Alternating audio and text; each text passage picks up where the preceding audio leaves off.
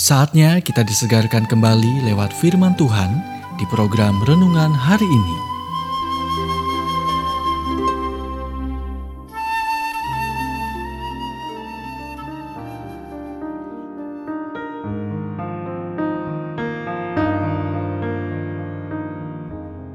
Renungan hari ini berjudul Pikiran yang dikendalikan oleh Roh Kudus.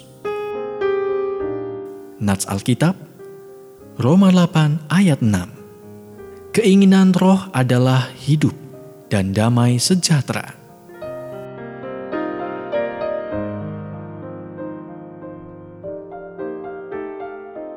Alkitab berkata, Sebab mereka yang hidup menurut daging memikirkan hal-hal yang dari daging.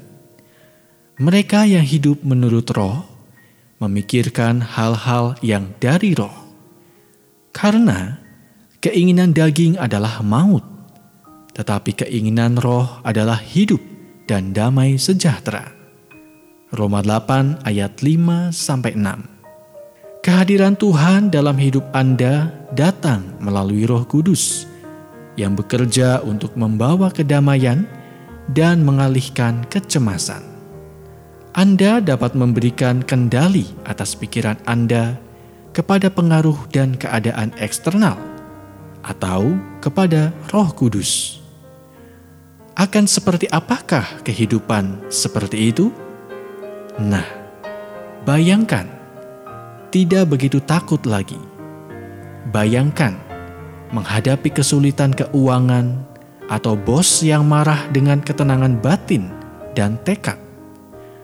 Bayangkan menerima berita buruk dan menghasilkan cara-cara konstruktif untuk memecahkan masalah daripada berputar-putar secara mental melalui skenario terburuk.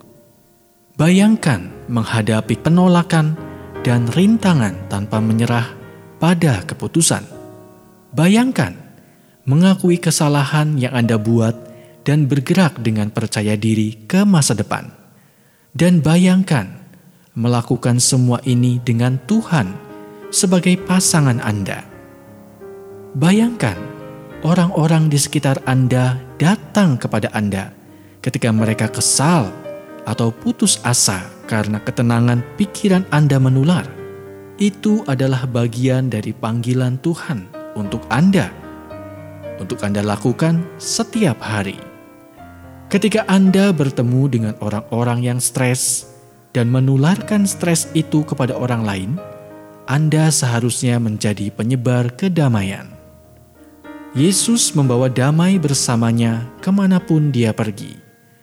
Ketika para murid ketakutan oleh badai, dia hanya berkata kepada ombak, Diam, tenanglah.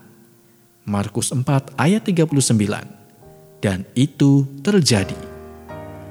Kedamaian tidak datang dari menemukan danau tanpa badai itu datang dari mengetahui Yesus ada di perahu Anda, dan dengan Dia di atas kapal, tidak ada badai yang dapat mencelakakan Anda. Anda baru saja mendengarkan renungan hari ini. Kiranya renungan ini terus mengarahkan kita mendekat kepada Sang Juru Selamat, serta menjadikan kita bertumbuh dan berakar kuat di dalam Kristus. Bila Anda diberkati, Berikan kesaksian Anda melalui WhatsApp di 0817 222 959 atau jika Anda ingin memiliki buku renungan hari ini, Anda bisa dapatkan di Radio Suara Gerasi FM, Jalan Setiabudi 31 Cirebon.